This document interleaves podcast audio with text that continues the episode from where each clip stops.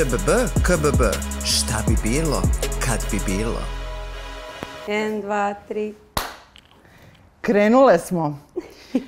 Dobar dan, dobrodošli u novu epizodu Šta bi bilo kad bi bilo podcasta ŠBBKBB, masterclass o maštanju. Veliko mi je zadovoljstvo da u finalu 2022. vam predstavim svoje otkriće ove godine, mladu umetnicu, jednu neverovatnu personu, Dea Đanković.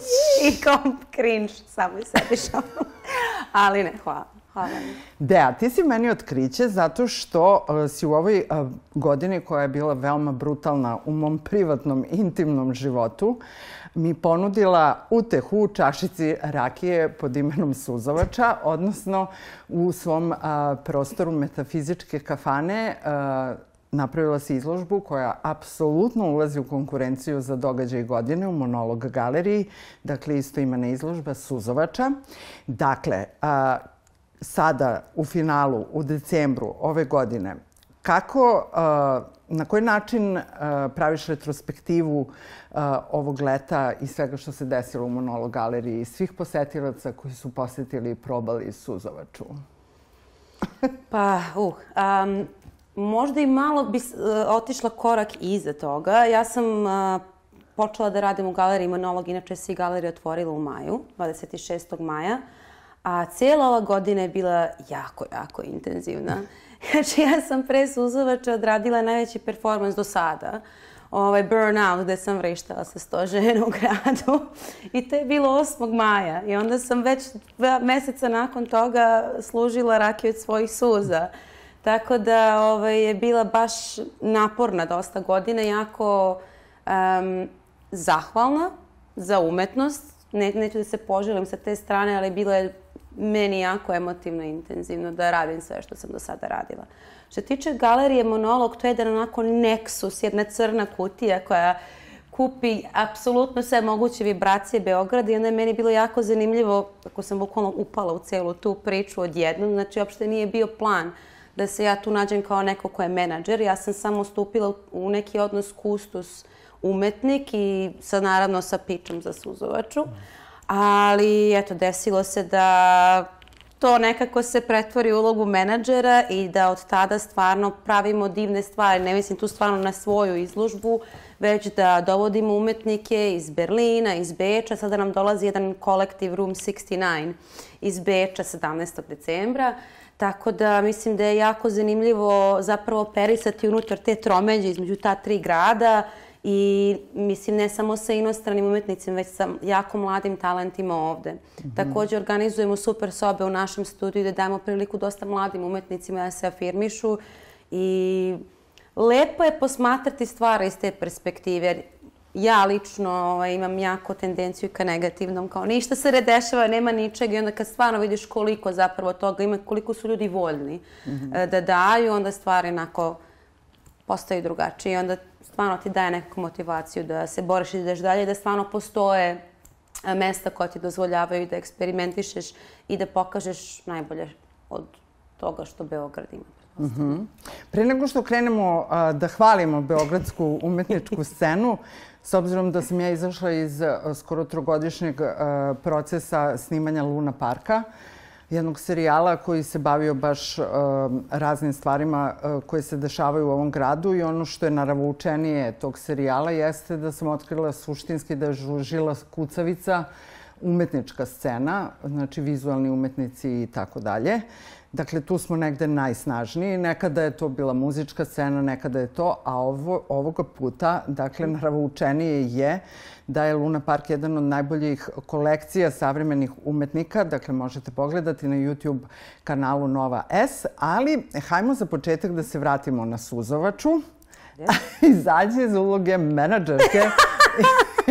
i uđi Može. u ulogu umetnice Deja da. Đanković. Da. Dakle, hajde da ispričamo tu potpuno neverovatnu priču.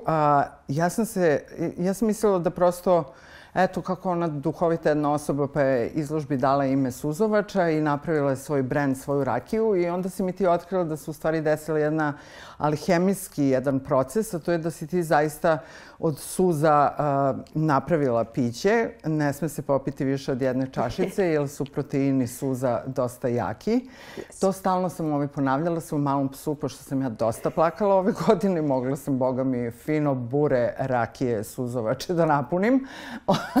Hajde Isto. malo o tom procesu. Kako si uopšte došla na ideju da napraviš uh, ceo taj spektakl u monolog galeriji. Naravno, pa ja sam isto isplakala jedno bure suza ove godine. Dosta se plakala ove godine. Da, i mislim da nisam, nismo same u da. tome. Mislim da je bila jako intenzivna godina, barem za moj krug ljudi. Mm -hmm. Ove, ovaj, ja sam generalno proživjela jedan emotivni gubitak ove godine. Ja mislim da to samo okinulo, da nije bilo možda samo kao taj jedan incident, već je to samo onako okinulo cijelu jednu buru svega što se ikada desilo. E, to se desilo recimo negde u februaru kad se ja dobila ideju, recimo neko dve, tri nedelje plakanja, plakanja, plakanja i naravno e, nekako kafana imala značajnu ulogu poslednje dve godine mog života, zato sam napravila tu korelaciju. Hmm, rakija, suze, rakija, suze. I onda se prvo desio kao taj pan, suzovača, kao ta duhovitost. Uh, I onda mi je to zagolicalo maštu, kao wow, pa kao da li bi to moglo. I onda sam ja otišla kod svog mentora, jer sam tada završavala master na likovnoj, ovaj, koji se baš bavi bio umetnošću. I on je rekao, pa super, ali ne znam da li to može da se napravi, ne mogu se suze destilovati, pa ne znam, razmisli još o tome, nisam siguran da li uopšte nešto tako može da se zapravo izmiksa, da se napravi. Međutim, ja sam onako vredno skupljala svoje suze u pipeti, skupljala, skupljala, skupljala i pisala sam centru za hemiju ovde. I oni su bili divni, stvarno. Znači, ja sam mislila da mi niko neće nikad odgovoriti na mail. To, to je bio neki moment za kopkog. Šta se dešava, koja ludača. Pomisliš da je skrivena kamera? Bukvalno, pa bukvalno, ma ne, ali oni su bili predivni. Bukvalno su mi odgovorili sutradan na mail. Ćao, devo, jako zaribljivo, dođi, molim te sutra da pričamo o ovome. Tako da sam ja provela jedno vreme sa njima i zapravo smo našli dve formule kako može suzovače da se napravi. Ja sam otišla malo jednostavnijom trasom, jel te, ja sam i više išla nekom vrstom miksologije, zato što za tu drugu e, formulaciju mi trebalo jako dosta vremena i neka destilerija iza mene. Mm -hmm. Sa ozbiljnom mašinerijom, sa ozbiljnim stručnjacima i sa, pro, verovatno, um, dugotrnim procesom eksperimentacije, jer suze se mogu fermentisati u voću, da, ali u kojem voću? Onda opet ja nemam baš toliko suza koje sam imala pa da bih mogla da testiram. Opet moram da napomenem, e, suzovač je napravljena od emotivnih suza, to je isto mhm. jako bitno. Znači, postoje bazalne, reflektivne i emotivne i onda ja nisam mogla da plačem ono, zorom. Ja sam stvarno morala da čekam kada budu emotivne suze jer jedino emotivne suze imaju taj protein u sebi koji mhm. pravi reakciju sa alkoholom iz rakije. Tako da, eto, oni su sa mnom seli, napravili su jednu formulaciju za tu smesu sa tačnim merama koliko ide alkohola i šta da stavim kao bazu, da li lozu, da li jabuku i koliko ide suza po jednoj flaši od 0,7 litera, tako da eto zajedno smo došli do te formule i ovaj, ceo proces recimo od ideacije do zapravo uh, ovaj, finalnog produkta je trajao pola godine. Ali imaš u šteklu sad tu rake? Imam. imam. E, popilo se već dve. Ovaj, jedna je i dalje ovaj, u remontu, iako sam lenja da je pokupim. Jednu mi čuvaju u remontu, jednu u monologu. Mm -hmm. Imam, imam još dve u šteku. Dobro, rakiju su nam sigurno. Uh, e, upotrebila si jedan predivan izraz, a to je zagolicati maštu. S obzirom da ovo masterclass o maštanju, mm. hajde malo da vidimo šta pokreće tvoju maštu i čulni metabolizam. Dakle, ti si mlada devojka i imaš, uh, kako bih rekla, puno životnog entuzijazma u sebi. Još uvek. Još uvek, da. I uh, nekako nisu te izubijeli baš, uh, uh, nekako se čini da je sve moguće. E, pa jel ponekad osetiš da si u deficitu s maštom i kako je onda pokrećeš, na koji način? Eh, zapravo jesam osjećala baš da sam u deficitu sa maštom negde do 29. godine i, i zato što me jesu izubijali. Mislim, sve nas izubija pravi život, što bi rekao mojih profesora na prvom masteru, life will bitch slap all of us. Tako da i mene jeste bitch slapovao život.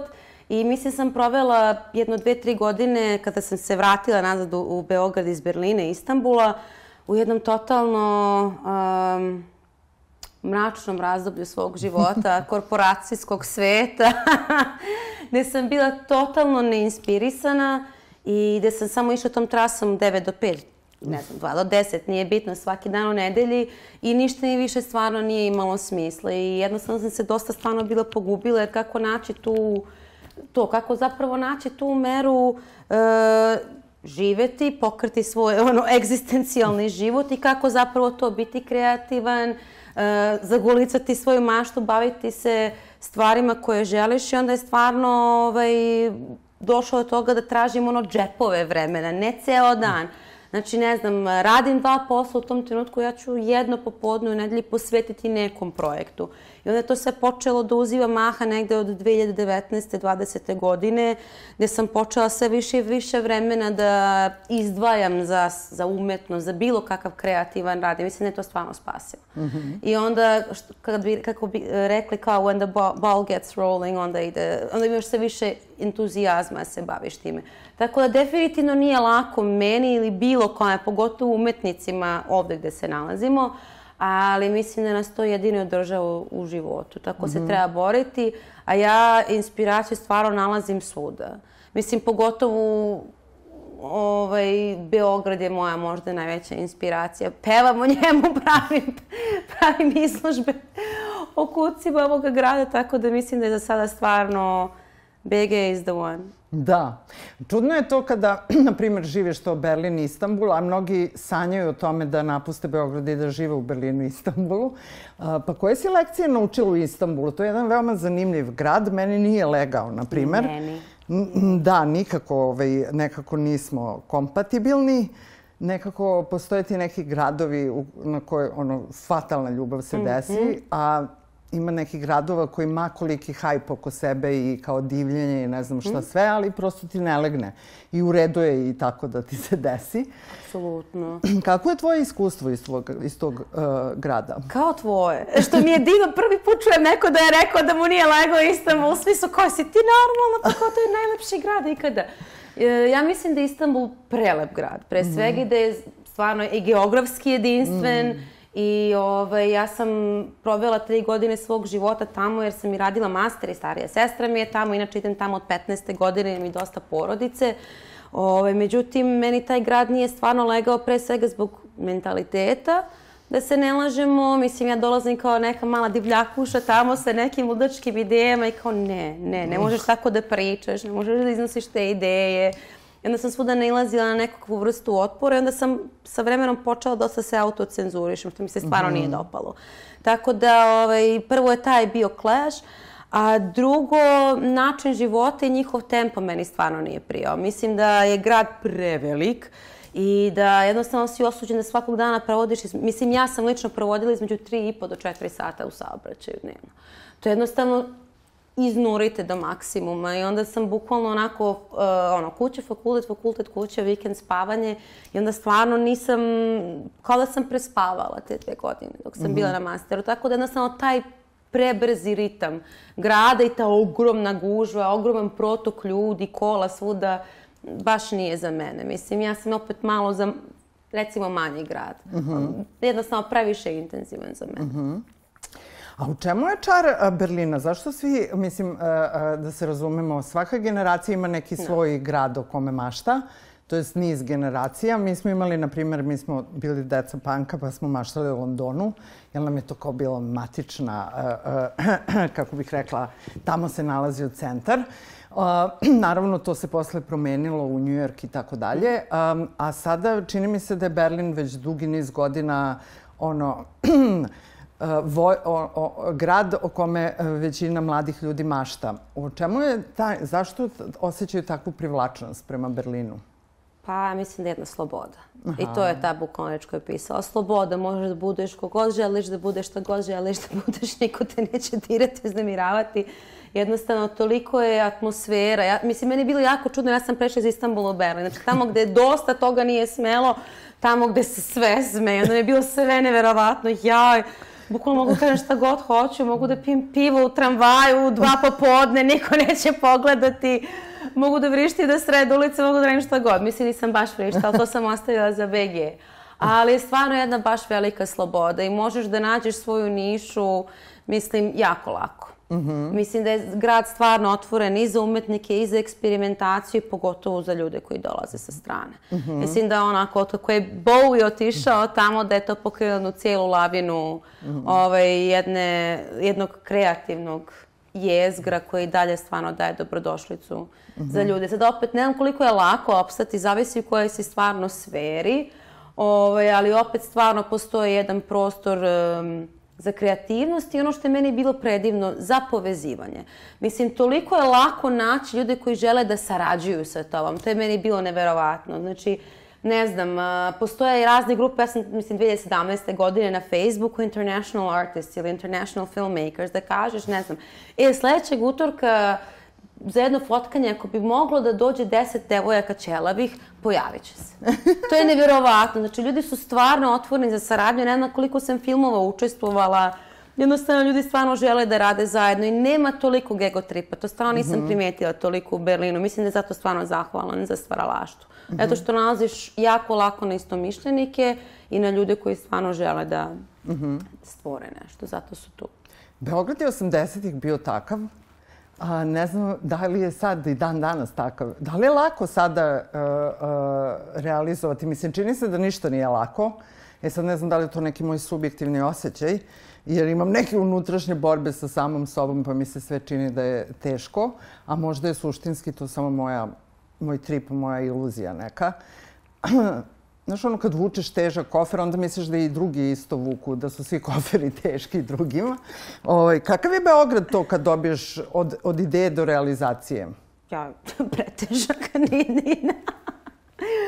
pretežak. Ovo, ovaj, mislim da stvarno... Uh, postoji jedna, s druge strane, da, ajde da, da gledamo i pozitivno, postoji mm -hmm. jedna mhm. ogromna volja. I postoje pogotovo dosta mladih ljudi koji se bore. Postoji jedna cela generacija mladih kustosa i mladih umetnika koji stvarno nekako uzimaju stvar u svoje ruke koji su pokrenuli bi prvo bijenale mladih umetnika ikada, koji će se desiti po drugi put sledeće godine. Tako da mislim da stvarno, naravno, ne možemo svi imati taj entuzijazam i elan za uvek, ali dok stvarno postoje ljudi koji se bore za to, mislim da mi opstajemo. Ja sam, ne, mislim, meni nekako, kada gledam s neke stane, kao, wow, mi smo stvarno neuništivi, kao, uvek napravimo nešto ni od čega, što mislim da je zapravo pravi izazov. Lako je možda organizovati, ne znam, u Berlinu ceo, ne znam, art event ili neku vrstu festivala ili ovaj art marketa sa, ne znam, pokroviteljstvom, milion eura. To, to nije zapravo teško napraviti, ali na, izazov je napraviti ovde sa jako malim sredstvima. Tako da mislim da smo mi jako dovitljivi i da uvek nađemo put. Jeste da je trostruko teže, ali mislim da se stvarno uvek nekako snađemo. Uh -huh. Ovaj, organizacijone su stvari jako naporne, da li zavisimo da li je od privatnog ili od javnog sektora, to je uvek e, nešto što je jedna onako kornjača koja ide jako polako. Birokratija. Polako, apsolutno. Uh, ali uvek se nađe način. Mm -hmm. Uvek se nađe način. Koliko god je haotično i stvarno ovaj, jedan onako, jedna anksiozna spirala, kako ja to volim da opišem, uvek nađemo put. Mm -hmm. Tako da uvek gledam da, uvek volim sada da teram sebe da gledam stvari sa pozitivne strane, jer negativne uvek lako naći i jednostavno mislim da smo svi svesni toga koliko ovde je sve otežano, koliko mm -hmm. jednostavno nema ni sredstava, možda da nema nerazumevanja, ali stvarno ima volje i ljudi se stvarno cimaju da rade e, prezanimljive stvari i kad god gledam kalendar grada uvek se nešto dešava, svako veče ima neka izložba, stalno se nešto dešava, tako da to može samo da govori dobro. Pozitivno mhm. razmišljanje mm -hmm. se trenira kao što se dižu tegovi, na početku je teže, posle uđeš u taj neki mehanizam, kaže čovjek da se za 21 dan na sve navikneš i na sve, od svega odvikneš. Tako da možemo dati si zadatak da najpre s mukom tražimo pozitivu, a onda ona dođe prirodno.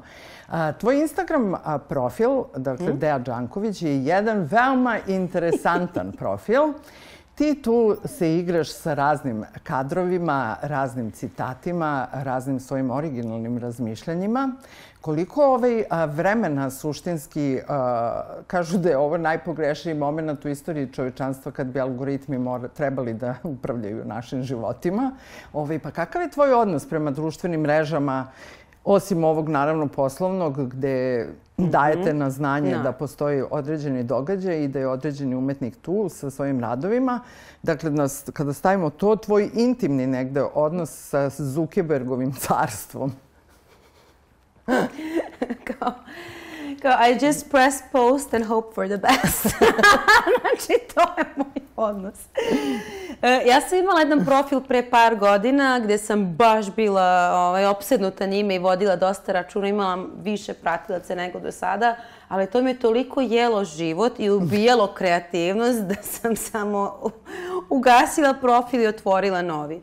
Ovaj, znam da algoritmi naravno upravljaju našim životima i ono, kao neko ko je radio i digitalnom marketingu neko vreme, nažalost, ovaj, znam koliko je značajan reach i koliko bi sad, znači Instagram te zapravo nagrađuje koliko, u, u odnosu na to koliko su tvoji postovi slični drugim postovima, koliko prate neku estetiku. Moje uopšte ne prate nikakvu estetiku Ove, ovaj, i ne želim stvarno da previše vremena posvećujem tome, zato što a onda više nije autentično. Mm -hmm. Ako nešto prođe, ok, prođe, ako nešto ne prođe, ne prođe, e, nekako ta, mm, ne želim da toliko stavim taj neki zadatak pred sobom da jednostavno izgubiš svu originalnost. Jer ja ako hoću da podelim, ne znam, neki svoj citat ili neku malu rimu i sad da razmišljam, aha, ali ja to moram da fotkam na neko onako lepo roze ili da napravim digitalni dizajn zapravo. Neću da cepkam svesku i da pišem, nego ću da napravim ceo ovaj, u Photoshop ili nekako dizajn i dođe se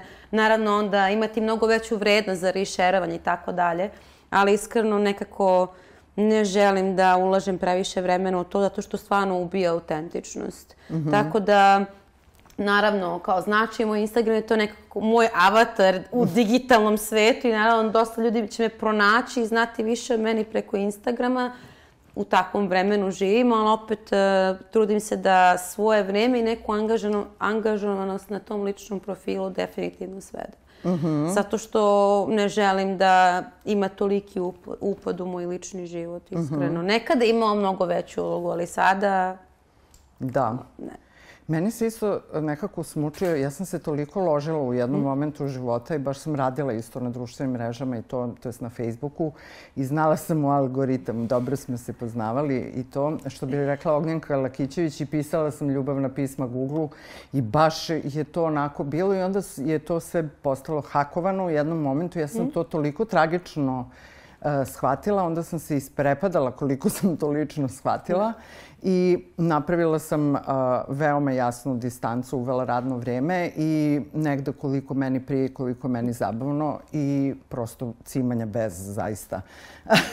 Apsolutno. da. A posebno što mi je spuki to što zaista Evo, baš sam pričala o nekim ćebadima i, i sve reklame za svu ćebad ovog svijeta su mi se pojavile. To me stvarno svaki put iznova pa. isprepada do koje Isto. mere oni nas prisluškuju. Pa, sve nas. Sve U stvari, ne znam da li nas prisluškuju ili mi čitaju misli.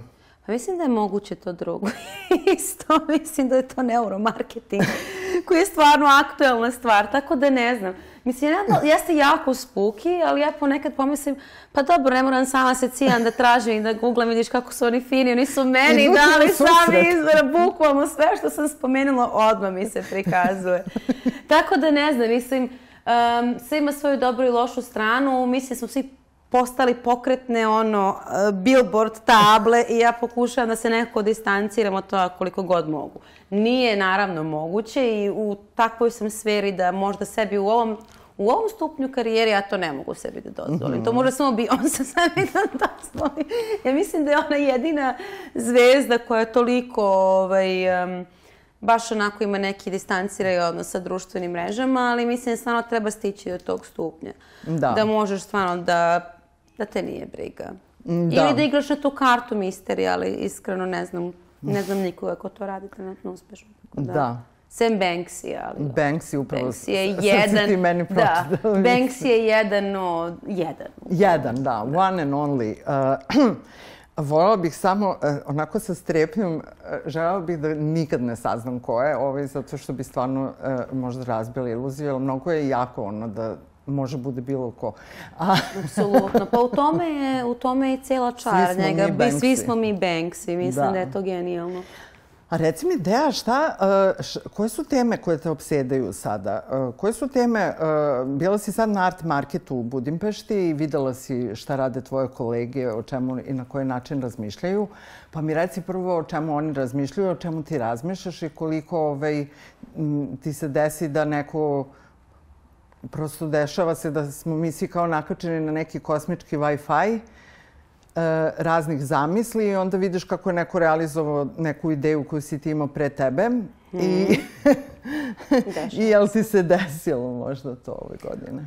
U ove godine ne. Mi smo bili na art marketu u Budimpešti, ja sam tu opet imala svoj šešir menadžera, nisam imala svoj šešir umetnika. Mi smo, naš stand je predstavljao rad Branislava Jankića, našeg umetnika koji živi na relaciji Berlin-New York. I nekako nam je stvarno cilj bio da sa, sa, sa našim štandom, naravno nismo jedina galerija iz Srbije koja je bila tamo, jer je fokus bio na srpske e, stvaraoce.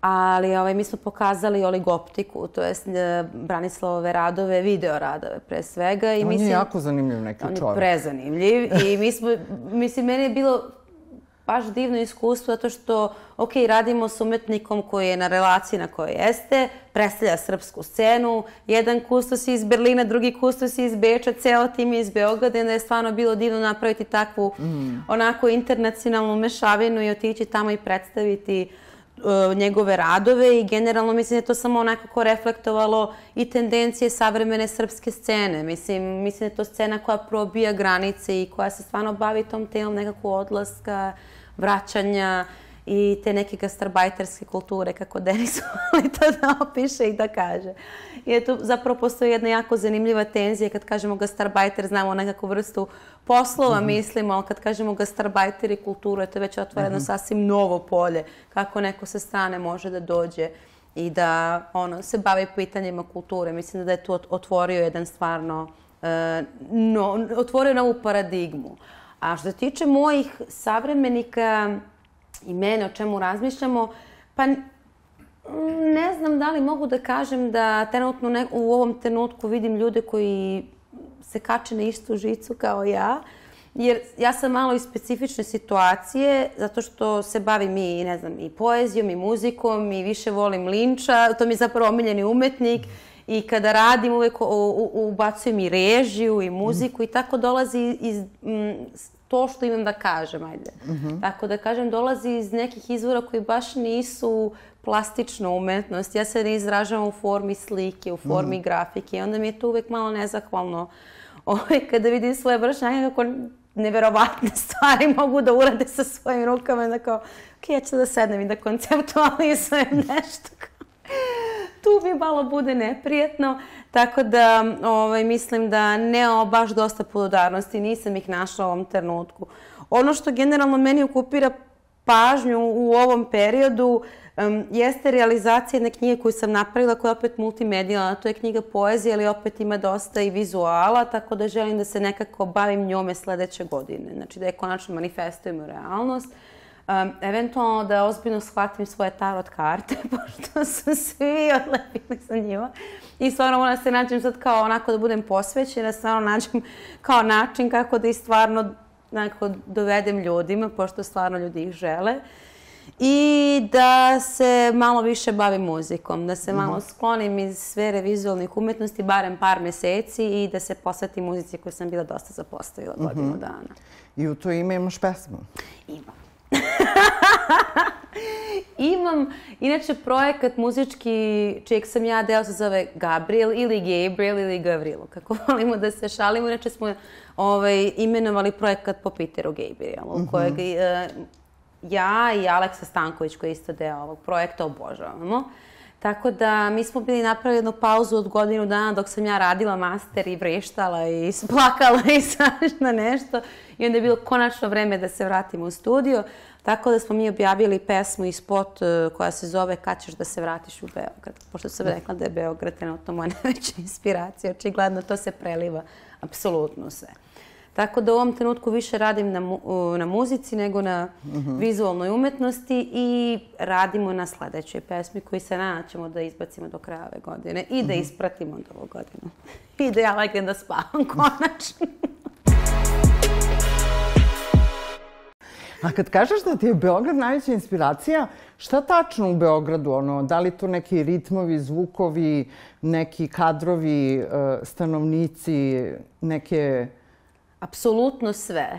Ja, ja imam tako ambivalentan odnos uh, prema, prema ovom gradu. Za, u, ja mislim da u toj zapravo tenziji čar. Ili ne mogu da ga podnesem jer je napad na sva moja čula, ali stvarno. Od buke do mirisa do zagađenja. Ili je mesto neke neverovatne inspiracije. Imam um, neki ulice ili krajeve koji, ne znam, imam neku konekciju, na primjer, sa Zonova ulice ili ceo taj kraj između Čubure i Južnog bulevara. Ne, ne znam zbog čega, ali te ulice i taj kraj obožavam i uvek Znaš, kao idem, kad bi tebe inspiracija, šetam se tamo, gledam one zgrade, gledam ljude. Znači, to je iz nekog razloga jako vitalan kraj za mene. Apsolutno nemam pojma zašto. Uh, što je možda omiljeni deo grada i Kalenić. Znači, Kalenić je, mislim, trenutno moje omiljeno mesto, već par godina omiljeno mesto na svetu. Znači, mm -hmm. obožavam Kalenić, od toga šta nalazim tamo, do ljudi sa kojima pričam tamo svaki dan, neisrpan izvor inspiracije. A kupuješ tamo, ima garderoba, antikviteti? Sve. Sve, mislim da sam ovo što vidim. Sve sam Kalenić. Obožavam Obožavam buvljaki, e, naravno i zemunski, ali ovaj, i naravno Bajlon i sve ima, mislim, nije Kalenić jedini, ali iz nekog razloga imam takvu konekciju sa tim mestom i volim celo to iskustvo, to što nikada ne znaš šta ćeš da nađeš. E, e, naravno, kada odeš u, ne znam, neke brendirane radnje, sad neću da pominjem imena, ovaj, ali uvek znaš šta te očekuje. -hmm. Ovamo nikada ne znaš. Znači, nikada ne znaš šta, na šta ćeš da naletiš. Možda da ne naletiš ni na ali možda naletiš na katanu koju sam ja našla na zemanskom budaku. Ili ćeš da naletiš na Talking Heads album za 100 dinara vinil u savršenom stanju ili ne znam, mađarske bajke ili tako dalje. Neverovatno je šta nalazim i ovaj, uvek se rado vraćam.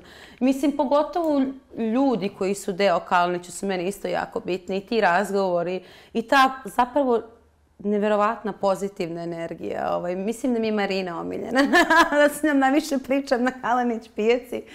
To je jedna žena koja je čista pozitivna mhm. energija i mislim da me definitivno najviše zasmejava. Uh, Ovo, ovaj, ima, imaju tako nekako divan pogled na, na, na, na život i mislim da je to uvek malo nekako vrati mm -hmm. u centar. Da gledam život ono kad odem previše u svoj negativni lup, ako vratim se tamo gde treba. A da li se mi dovoljno smejemo? A, ne znam, mislim da ne. I to je nešto na čemu ja aktivno radim.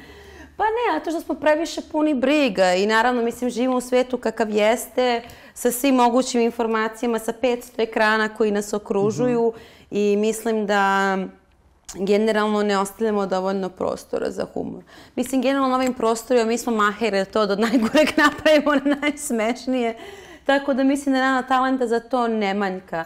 Ali mislim da dosta zaboravljamo na humor, mm -hmm. nažalost. I da to, kao što si rekla, pozitivno razmišljanje, mislim da je i humor nešto na čemu trebamo da radimo. Da. Da ga aktivno tražimo u situacijama. Uh, ili da ga tražimo na našim, ne znam, streaming servisima, Google, čemu god, ali mislim da je definitivno smeh, mislim, meni je to Kalenić, ali trebamo da tražimo svoj izvor dnevnih humora definitivno. Da. Mislim da je Charlie Chaplin rekao da je dan bez smejanja je bukvalno protraćen dan. Pa jeste, nekako za nas koji smo živali, formirali se i odrastali u 20. veku, bio je štos na dan. Ako ne prirediš nekom da. neki štos ili ne doživiš neki štos, to je pripiši propalo.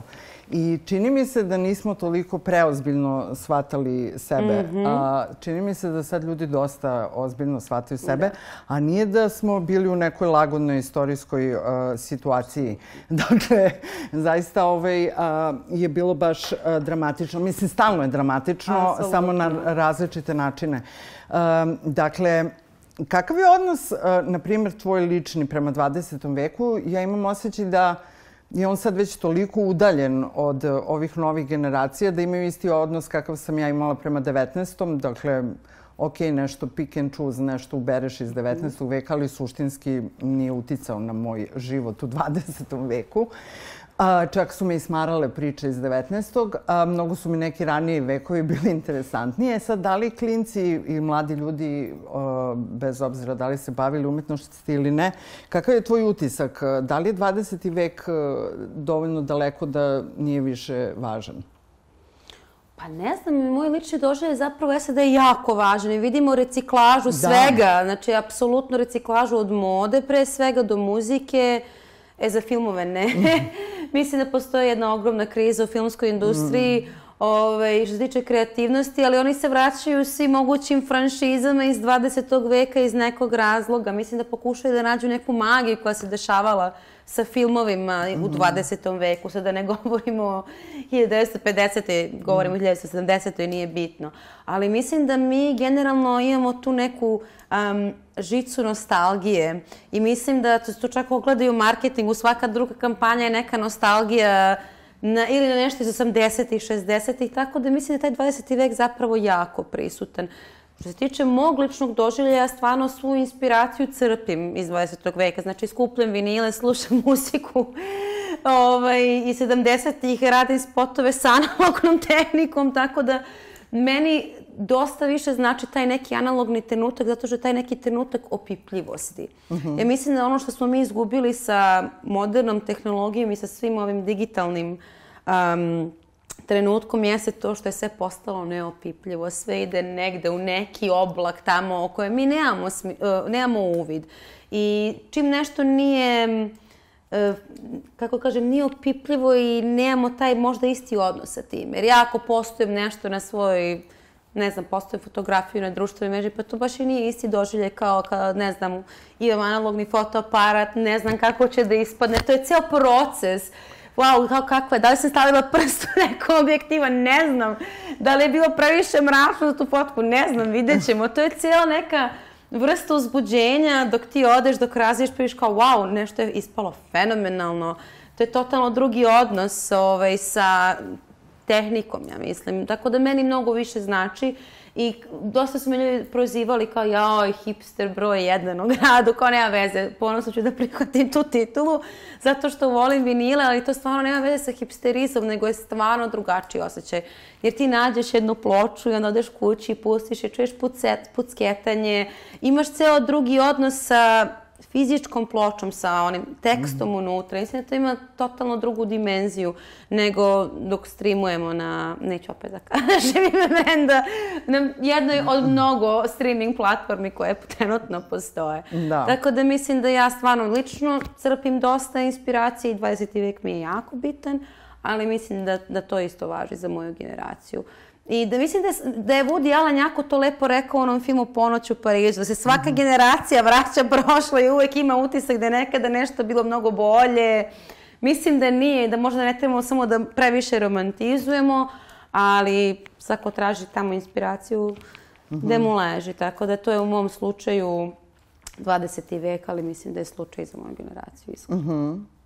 Dobro, drago mi je da ovaj, čujem da možemo pomoći, mi koji ga se još uvijek sećamo, s obzirom da polako izumiremo kao vrsta. A, ono što je definitivno jeste da je 20. vek bio mnogo romantičniji, mislim da je ovo sada onako nešto mnogo brutalnije. Da.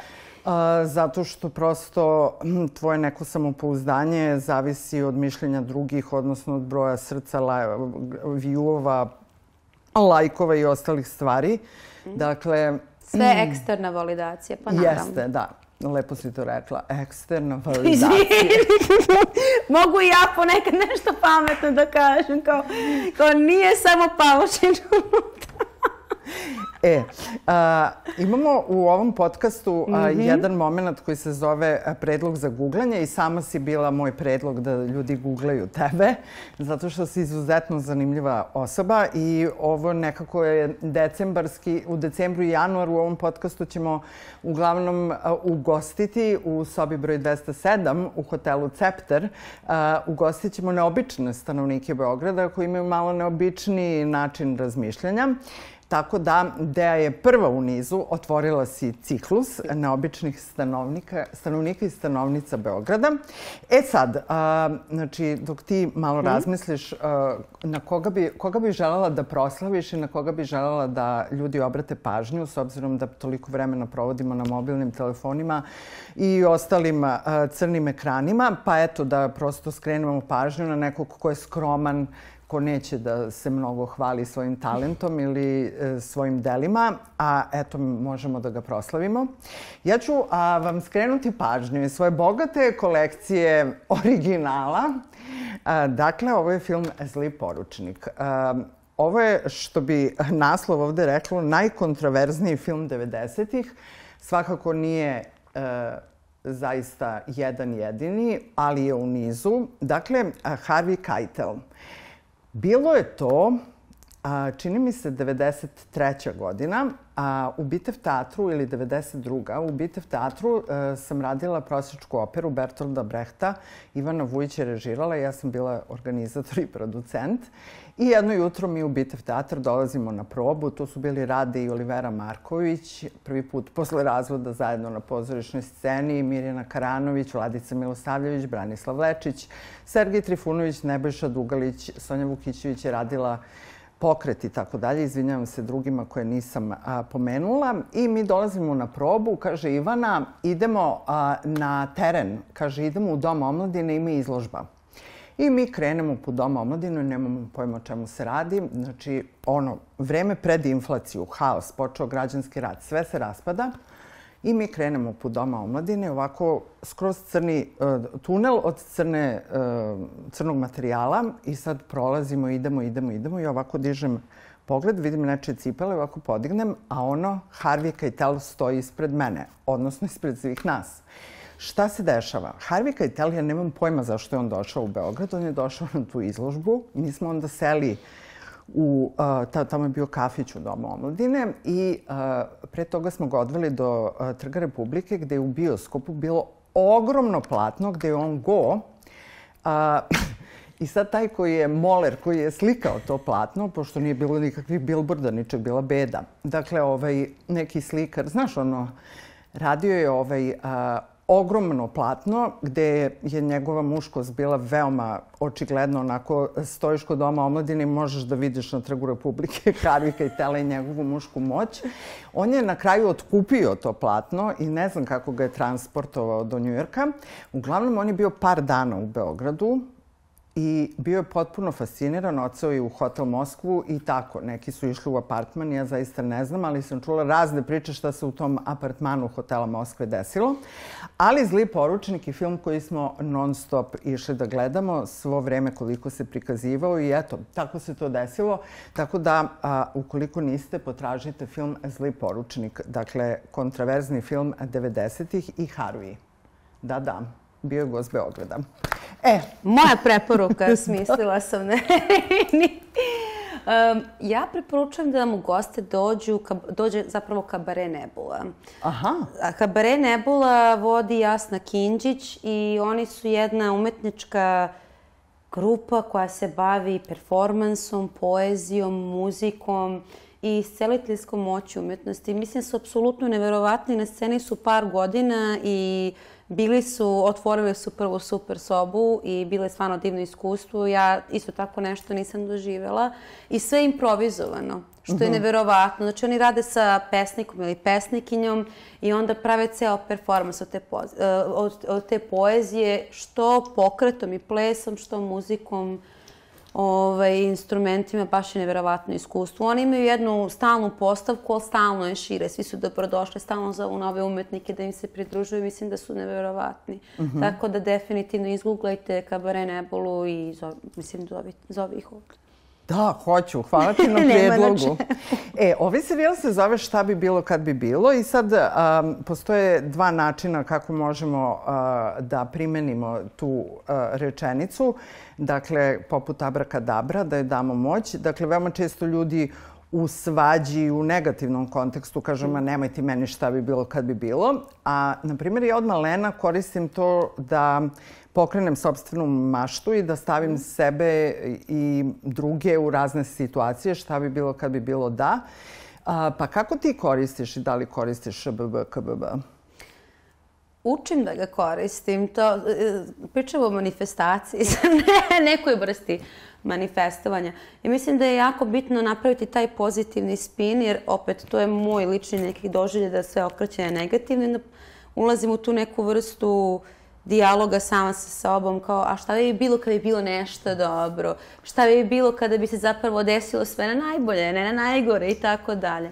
Tako da primenjujem šta je bilo kada bi bilo u svakodnevnom životu I pre svega kad se hvatam u koštac sa novim projektom. Kao, mm -hmm. ok, šta je bilo? Ok, nemamo, okay, nemamo sredstva produkcije na nula, ali šta bi bilo kada ja pitala ovu osobu i kada bi nabavila te dve analogne trake i kada bi pitali ovu osobu da nam pusti pesmu na radio i mhm. tako dalje. Mislim da, da, da, ta, takva vrsta razmišljanja zapravo jako pomaže. Jer mm -hmm. nema šta da izgubiš.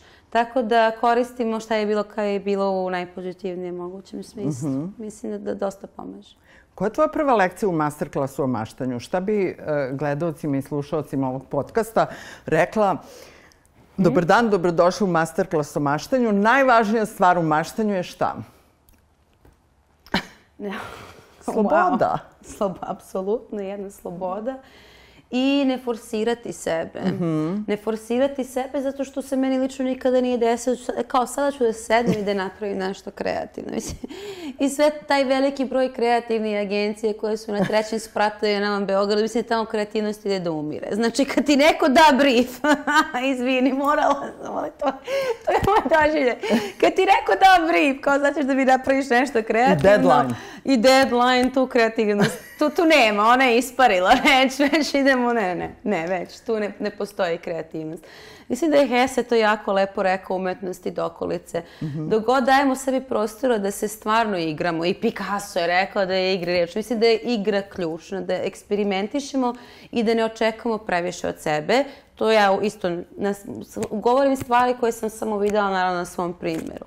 Znači, dok god stavljamo preveliki pritisak ili preveliku tenziju na finalnom proizvodu, uh, mislim da to nije dobro. I stvarno kada se prepustiš procesu, jer nikada ništa neće ispati, ispasti onako kako si zamislio, prvo se pomiri, prihvatiti tu činjenicu. Jednostavno da je život takav da će biti 500 faktora koji su van naše kontrole i onda stvarno upasti u taj flow ili chi, kako ga mm. god zovu, i stvarati uh, u nekom protoku sa svetom oko sebe. Mm -hmm. to, je, mhm. to je definitivno najbitnija lekcija koju ja dalje savladala. Ne mogu da kažem da se savladao do kraja. Ali biti u nekom miru sa sobom, um, eksperimentisati, igrati se i to... M, I ne shvatati se previše ozbiljno. To si ti jednom trenutku isto spomenula jako lepo. Mislim da sad svi se previše shvatamo, zato što smo opet hodajući billboardi Tačno. I ovaj, mislim da stvarno treba popustiti te steg i samo se vratiti ono što smo znali kad smo bili mali, igrati se.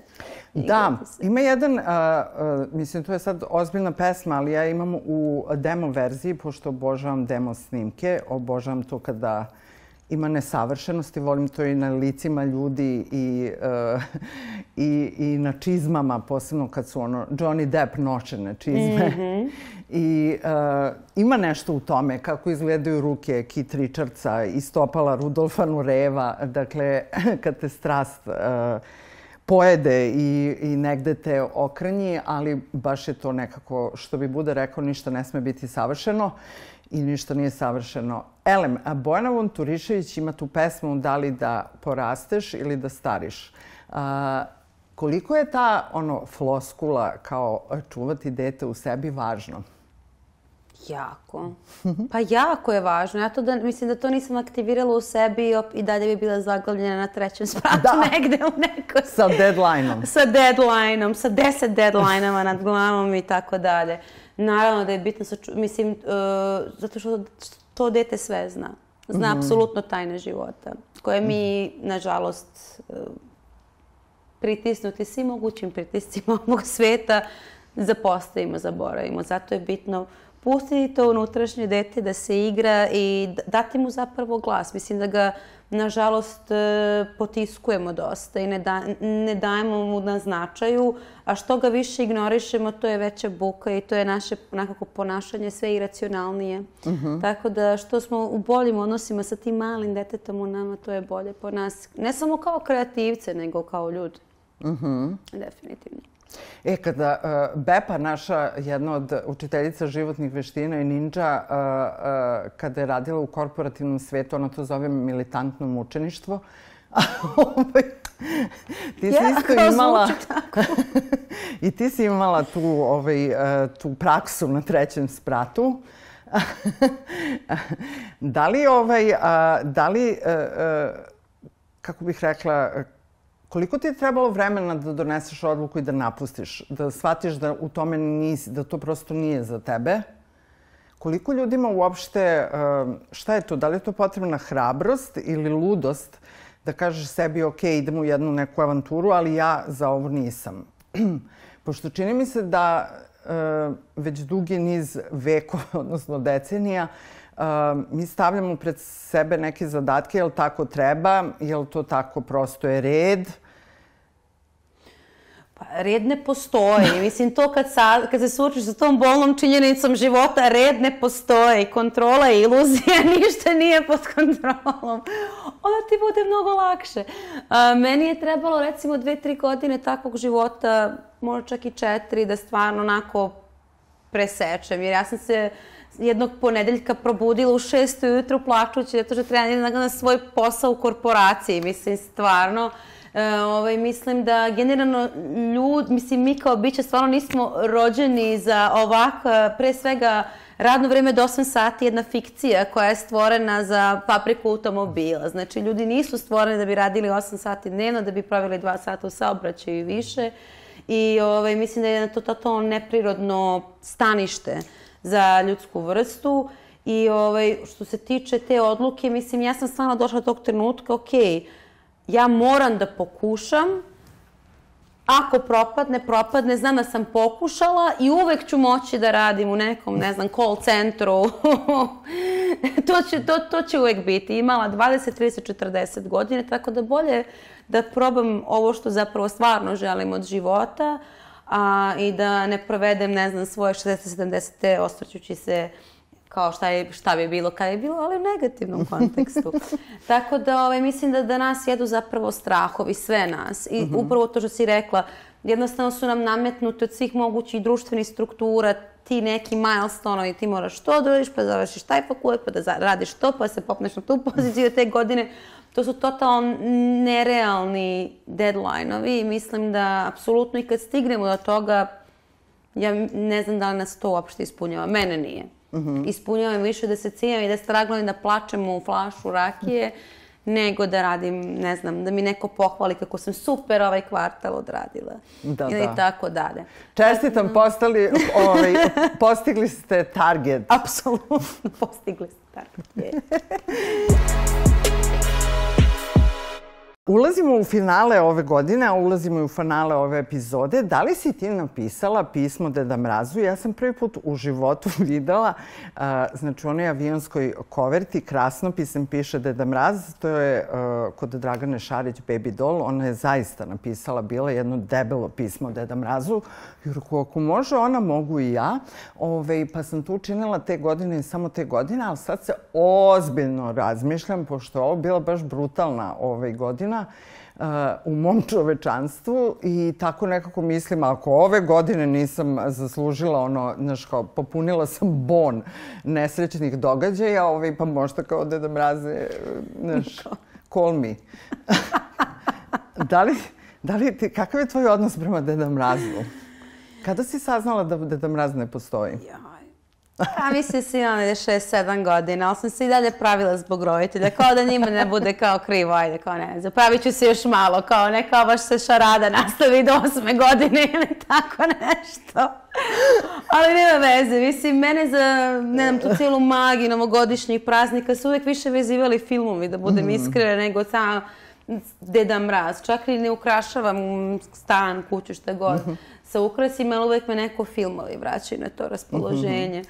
Tako da, mislim, jeste mi bitan period. Ja krajem svake godine napravim sebi neku listu. Mislim, ne, ne pošaljem je da mrazu fiktivno ili ovako, ali napravim stvarno jednu listu šta bih željela da mi se sledeće godine desi. To sam počela da upražnjavam tek možda dve, tri godine. Nisam mm -hmm. baš bila aktivna sa time. Uh, O, ovaj, I mogu da kažem da nekako lepo je, mislim da je samo lepo iskustvo kad staviš na papir šta želiš za sebe u narednoj godini. Mislim da je više ta namera uh mhm. -huh. koja možda radi placebo efekat, ne znam, ali da, bitna je namera šta želiš za sebe dobro da ti se desi. Mm -hmm. Tako ću definitivno to do 31. decembra i to radim sa jednim crvenim markerom onako mm -hmm. i to mhm. stavim na svoju onako pampur tablu i da mogu da gledam stalno i onda skidam jednu po jednu stvar kad se desi. Mm -hmm. To je mhm. moj proces. Dobro, znači ljušiš kao crni luk. Apsolutno, slojevi. sloj po sloj. Slojevi. Da. Inače, pri vizualizaciji željenih događaja jako je važno zamišljati to u sadašnjem vremenu kao da se već desilo. Mhm. Uh -huh. To je jako važno. I što više, kao najbolji scenaristi, znači, uh, ukoliko nešto želite, znači šta ćete, kako ćete mirisati, šta ćete imati na sebi, kakav će biti vazduh, kakva temperatura, znači što više detalja, misaona slika, to bolje. To vam je iz prve ruke od stare alhemičarke. šalim se. Ovaj, um, ne šalim se što se tiče ovoga, ali da znate da pri vizualizaciji je jako važno da misaona slika ima što više detalja i kao da se već dogodilo. E, Htela sam da te pitam, s obzirom da imaš mačke, da li su mačke, mačke, zen učitelji? Apsolutno. Apsolutno. ono kao mačke volim najviše na svijetu. Imam tri mačke. Apsolutni su zen učitelji. Uh, Ove, ovaj, neverovatno ima mačke recimo tri godine, prvo počelo je sve sa jednim mačkom, sad završio se na tri mačke, ne znam dokle ćemo stići, možda da bude imala celo prihvatilište. Pa ja stvarno želim, to mi je plan za staro doba, da je neko prihvatilište za mačke i što ne druge životinje, ali stvarno ja jesu zen učitelji. Ja barem jedno moram jedno 15 minuta pred spavanjem samo da sedim sa njima. Mm -hmm. One mislim da, da, da znaju sve o životu, apsolutno izlače svu moguću Izlače. negativnu energiju. Uh, njima je sve okej, okay, sve je potaman. Mislim da u životinskoj farmi najbolje je opisan mačka kao biće koja se snalazi apsolutno svakoj prilici. Stalno uh mhm. -huh. su, nevjerovatno one su uvek prisutne, ali su zeno isto vreme. Uh mhm. -huh. Tako da učim dosta od njih. Dobro, ti nećeš okititi kuću, ali zato ćeš promeniti frizuru i dočekati 2023 kao Meg Ryan. Apsolutno, da. Dakle, želimo ti neku dobru romantičnu komediju da ti se desi sledeće godine. Možeš. I da ova Saturnovska, teška, suzovača priča... Apsolutno, ostavimo je za Ostavite, 2022. Da, da idemo... ono je time kapsuli, znaš, i to ono kao da je nuklearni otpad u njoj. Ja ću ovu godinu zatvoriti bukvalno kao da je ono, e, e, e, kako se kaže, m, mm, zračenje. Apsolutno, radioaktivne, ne. radioaktivne, zato, a da. Viš kako si mi ukazala, ja podsvesno očigledno želim romantičnu komediju, zato se šišam kao na grajem, dobro. Reći ću to sad, kad budem išla da se šišam. Da. Hvala ti puno što si došla u sobu 207. Hvala na pozivu pratimo tvoj rad, dakle detektivi te prate Dobro. i kažu, ove očekivanja su velika. Dakle, Gabriel je tu, pesma je tu, očekujemo izložbu. I posećujemo monolog galeriju, jer se tamo svakakva čuda dešavaju, a kada dođe ovaj mladi čovek na relaciji berlin new York, volala bih da dođe u hotel Cepter. Doći će da porazgovaramo mi, pošto je taj čovek veoma jedan interesantan čovek. A vama hvala što ste proveli još jedno nedeljno popodne sa nama. Dakle, pišite na mail adresu sbbkbb.noa.rs. Ja imam blagi, blagi napad panike da svaki mail otvorim, pošto ne znam eh, da li za sada nije bilo hate mailova. Hvala vam puno na tome, mnogo mi znači, ne mogu da podnesem mentalno ružne reči, ima ih previše i ružne tonove. Dakle, gledamo se na portalu nova.rs, na YouTube kanalu Nova S i na svim podcast platformama. Ja vas puno ljubim, želim vam da budete hrabri i dobri i vidimo se za sedam dana. A da će Bog i CK. to je to.